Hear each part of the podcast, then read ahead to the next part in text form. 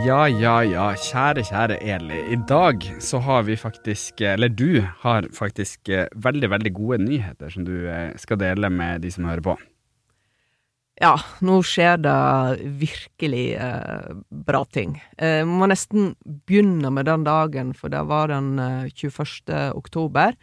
Jeg skulle bort på Radiumhospitalet og eh, og få vite resultatet av den siste CT-undersøkinga, altså et røntgenbilde, som, som, skulle fortelle meg eh, hvordan det ligger med, eh, med, denne svulsten min, da. Um, og den hadde vært eh, tre centimeter stor, og vi var jo forberedt på at den skulle ha vokst enda mer, fordi at immunterapien hadde jo fått beskjed om at ikke virka. Så, så, derfor så, så, hadde jeg null uh, forventninger, og jeg hadde til og med litt sånn negative forventninger, da, for jeg tenkte at nå, uh, nå kommer de med et løp som de hadde signalisert at de ville komme med, et løp som går på når jeg skulle i gang med ny cellegiftkur. Og cellegiftkur er jo liksom Det er ikke verre enn døden, men det er, det er liksom på, på lista over de absolutt verste tinga jeg har vært gjennom. Så ser jeg akkurat at hun eh, sykepleieren sender et ørlite smil til legen. Så tenkte jeg hva Jeg har jo litt sånn her eh, vanskelig for å holde følelsene sine inne, eller noe. Er jo, det er jo noen som, som, smiler når de ikke bør smile, sant. Så, så det, så jeg, mm, Kanskje hun var litt keen på legen? Ja, sant. Akkurat det tror ikke jeg. Eh, men da, i et sånt nanosekund, så skjønner jeg at nå, nå, nå, skjer, det noe, nå skjer det noe bra her. Nå, må det skje noe bra her. Og så begynner legen å snakke om noe som heter pseudoeffekt, som oppstår i eh, ytterst, ytterst eh, sjeldne tilfeller. Det oppstår så sjeldent at Uh, ja, men uh, at det, det, så, det, er liksom ikke om det er en prosent eller to, liksom. Uh, det er i det sjiktet der, eh, så skjer det noe som heter pseudoeffekt, og det er at eh, bilder viser at, eh, at svulsten har økt, sånn som det gjorde sist, men så når de tok nye prøver, da, så ser de at svulsten faktisk er redusert. Og da er det jeg hører to millimeter. Og det er de to viktigste millimeterne i mitt liv noen gang, altså. Da går det litt tid før jeg skjønner hva som har skjedd, og det er at eh, det betyr at uh, immunterapien allikevel virker. Så nå, uh, nå skal jeg fortsette å uh, være med i den studien som jeg var med i, og som jeg ikke var sånn formelt gått ut av. Jeg hadde fått et par kurer etterpå jeg fikk den nedslående beskjeden òg. sånn at nå, nå er jeg på track igjen. og det har vært så fantastisk. Jeg har liksom surfa på ei sånn bølge siden torsdag nå. Det, det, er en sånn glede at du, du aner ikke det. Det har bare gått noen få dager. Hvordan har de dagene vært? Hva har du gjort? Uh, jeg begynte jo Jeg begynte jo med å ta en ny kur med immunterapi, så jeg var jo på sjukehuset resten av den dagen. Og da Alle de som eh, kom i min eh, vei der, om det var sykepleiere eller bioingeniører eller leger, sa jeg veit hva, jeg har fått beskjed om at svulsten min har minka med to millimeter. Uh, så jeg var i en sånn eufori allerede da. Uh, og det kom ei dame òg bort til meg som har hørt på podkasten vår og sett meg på TV, som uh, ville høre hvordan det gikk med meg, og jeg sa akkurat nå så går det så vanvittig bra med meg, for jeg har fått en god beskjed i dag. Og så kom jeg hjem igjen, og da hadde jo min fantastiske mann ordna med sushi til middag, beste jeg veit. Eh, og så hadde han eh, ordna med flasker champagne. Eh, jeg veit ikke hvordan du uttaler det, men det er samme champagnen som James Bond drikker. Bollinger. Bollinger. Bollinger. Du må eh, drikke mer champagne, altså, eller? da hadde han ordna, for at uh, James Bond og meg må jo uh, drikke det samme på en sånn, uh, sånn dag. Så tok jeg en liten runde rundt i, i gata, for alle der har jo fulgt med meg, så det blei masse klemming, grining og, Og ja Folk som, som virkelig er med meg i den gledesrusen. Eh, da hadde jeg selvfølgelig på forhånd klemt mannen min masse, og, og sønnen min masse, og eh, Men akkurat da var ikke det tårer, men det ble litt sånn tårer eh, utover kvelden, da. Og så hadde jeg eh, ei venninne som kom bort med enda en flaske champagne, for den hadde hun eh, kjøpt klar til den forrige gangen jeg skulle vite om eh, immunterapien virka eller ikke, og da hadde hun tenkt at hun ville spare den da, siden det ble en trist beskjed forrige gang. Så hun kom bort med det, og så kom det ei annen venninne på, eh, på, besøk, og så satt vi der om kvelden og, og prata om livet og Tørte liksom å legge litt eh, planer framover, og til slutt så satt alle og nynna på den der sangen til eh, Den legendariske sangen til eh, Anne Grete Preus. Du veit den derre Av og til, av og til er det én millimeter nok. Ja. Der fikk du høre meg synge òg. Ja. Men for vårt vedkommende så var to millimeter akkurat det som var nok. Men det er jo helt fantastisk. Det er jo, Da vi starta podkasten, så hadde du akkurat fått beskjed om at immunterapien ikke funka. Ja. Og så viser det seg at den funker likevel. Og det kan skje, og dette har legene tatt høgde for i og med at de ikke tok meg umiddelbart ut av den uh, studien med immunterapi. De lot meg få uh, to kurer til, og de bestilte time for nye bilder, for de sa også den gangen at uh, du må ikke regne med at det skjer, men det har skjedd i ytterst få tilfeller at det har oppstått noe som heter pseudoeffekt. Og det er jo Pseudo betyr jo falsk, ikke sant? Så, så, det er egentlig falsk, den veksten. Jeg tror det er noe sånt at uh, uh, ja, du kan se det på det som ei stor nøtt, ikke sant, og så plutselig så danner det seg Den minker, men den minker liksom uh, innafor skallet, sant, sånn at når du får det reelle bildet, så har han faktisk krympa, da, for at det, det, er et luftrom der inne. Jeg er ikke sikker på Nå kan det godt være at leger arresterer meg, at det ikke er akkurat sånn denne pseudoeffekten uh, kommer, men det som er, er at uh, svulsten er egentlig ikke i ferd med å vokse, selv om bildet viser det, og så tar de nye bilder, og da viser bildet det som er riktig tilfelle. Men hvordan blir eh, eh, løpet videre nå? Du skal så, åpenbart inn til eh, hyppige kontroller og sjekker, og så skal du fortsette på immunterapi? Ja. Nå eh, skal jeg ta blodprøve hver uke. Bort på sykehuset. Det blir en del av liksom eh, Du må jo Det å være sjuk på, på mitt, eh, mitt høye nivå, det er jo en jobb. Så torsdag, da er det blodprøve. Og så skal jeg òg da hver eh, tredje uke eh, også få immunterapi. Og det tar eh, nesten en dag på, på sykehuset. Hvordan foregår det? Du får en sånn nål, da, en sånn venoflon, i oppå hånda di, sånn som de, de finner en blodåre. blodåre. Og så kobler de på en slange, og så henger det sånne eh, poser med eh, immunterapien inni, sånn at du får drypp fra, fra den, og det går inn i blodsystemet ditt.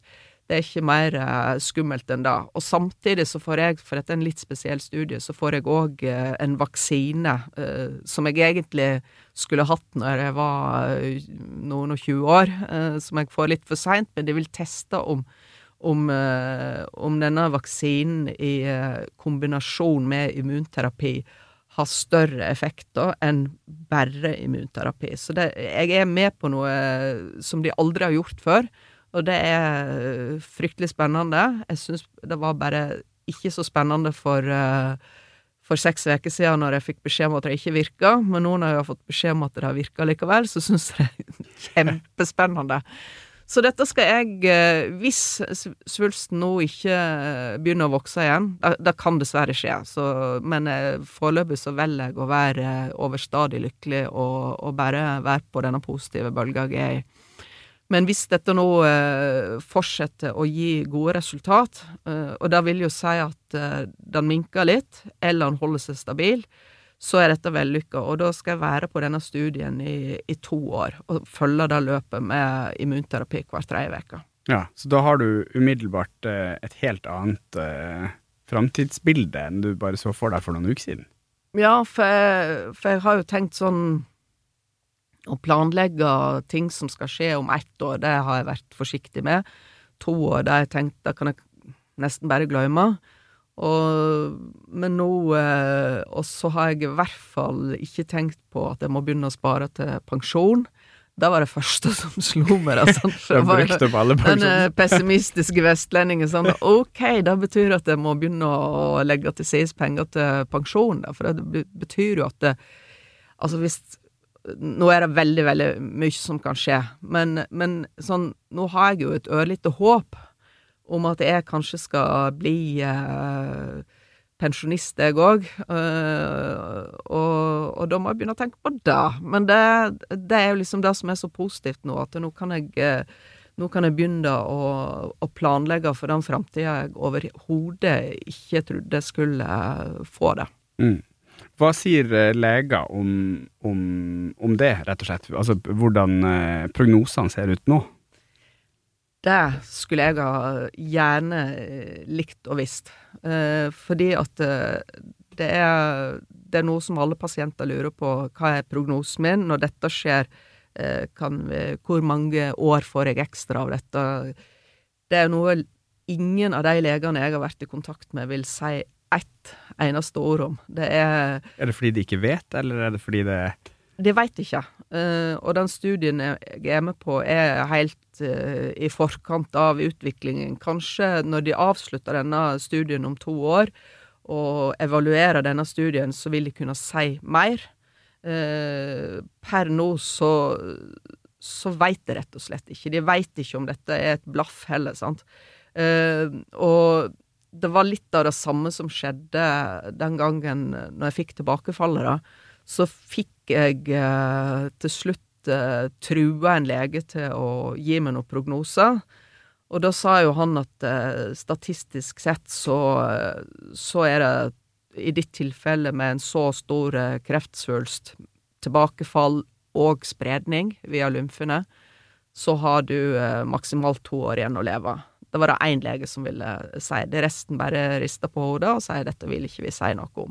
Og jeg tror grunnen til at de gjør det, er jo at det, det ville jo tatt motet fullstendig fra meg. Eh, og det ville kanskje gjort at jeg ikke ikke ville gå i gang med en omfattende cellegiftkur hvis jeg visste at jeg bare skulle få eh, noen måneder ekstra av det. Så det er nok eh, det er nok flere grunner da at de rett og slett ikke veit, men så tror jeg òg at eh, hvis de gir en realistisk prognose, da, og det prognose betyr jo ikke fasit, det er jo en, en, slags, eh, en slags værmelding om hva som kan eh, komme, og det er jo ikke alltid de slår til, eh, så, så vil de gi eh, Enten kan de gi pasienten et falskt håp hvis de gir en for positiv prognose, eller så kan de gi han for lite håp, sant. Og håpet har jo vist seg eh, bare de siste dagene når jeg har fått tilbake igjen håpet, så, så har jo det hatt eh, utrolig eh, stort utslag på den fysiske helsa mi òg. Jeg begynte å trene i går, for eksempel. Gikk på spinning.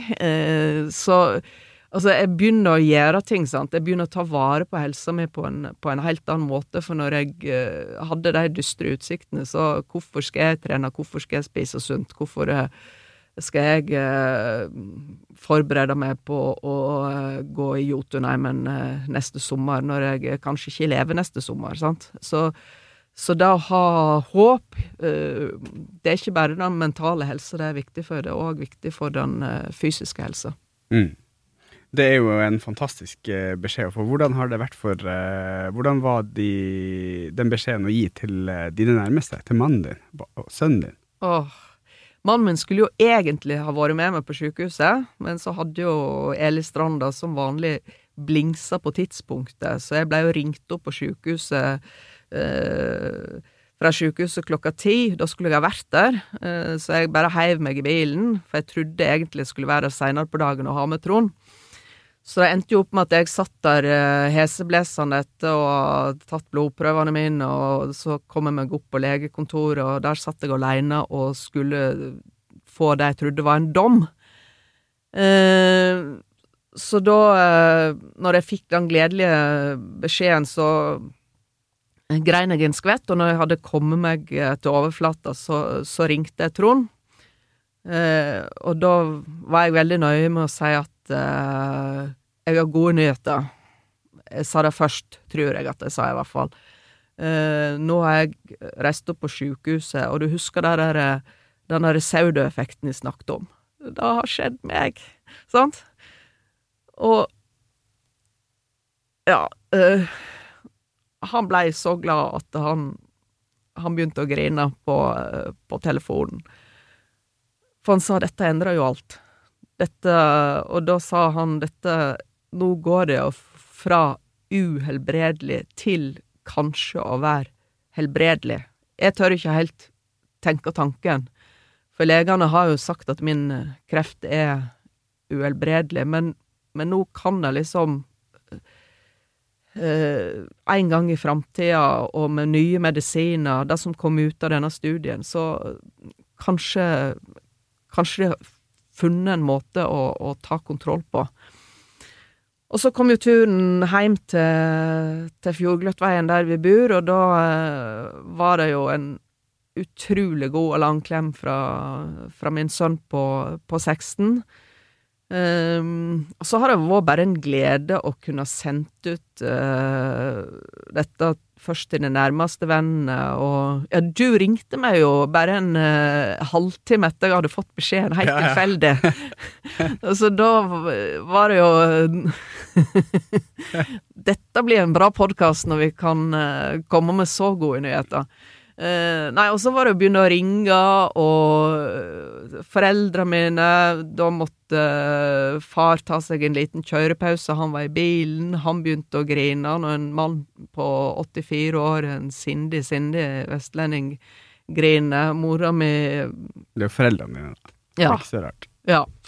Nei, mora mi grein, og øh, vi, vi var rett og slett uh, veldig, veldig glad. Søstera mi ringte og sa hun var den gladeste søstera i, i hele verden, og, og vennene mine, og så begynte det jo etter hvert å tikke inn meldinger, det kom blomster på døra, det kom champagne på døra, så uh, det har bare vært uh, en eh, lykkerus. Og der er det å få lov til å formidle et så enkelt budskap om at eh, jeg har gode nyheter. Jeg, jeg la jo ut en oppdatering på Facebook, og, og der òg har det bare hagla inn med lykkeønskninger og hjerte. Og de som sier at de ikke bryr seg om eh, likes og hjerte på Facebook, de eh, har ikke prøvd det, altså. Eh, hvor fantastisk det er å stå og bli bombardert med, med hjerte i eh, eh, i sosiale medier og få høre at du er verdens beste dame, og nå må du stå på, og vi er så glad, dette er den beste nyheten. og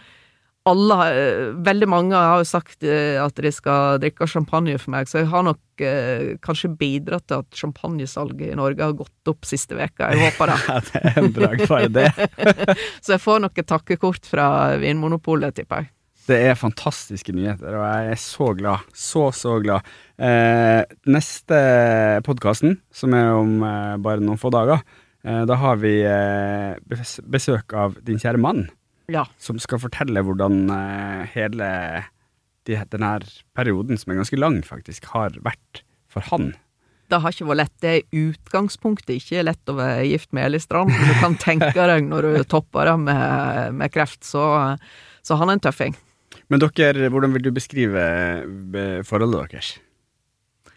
Jeg vil beskrive det som, eh, som veldig godt, selvfølgelig. Eh, solid. Eh, det er et forhold mellom to veldig forskjellige mennesker. Jeg er impulsiv og eh, har få planer i livet, mens han er en planmessig mann med, som har dette stødige som jeg mangler. Og når jeg går ned i kjelleren, så holder han meg oppe med stø kurs. Vi, vi har jo klart å balansere disse forskjellighetene våre på en, på en fin måte, da. Og så er han, eh, han er den beste kompisen min. Veldig bra. Vi gleder oss veldig til å eh, få Trond på eh, besøk. Det blir altså på førstkommende fredag. Eh, ja, rett og slett. Mm. Vi ses.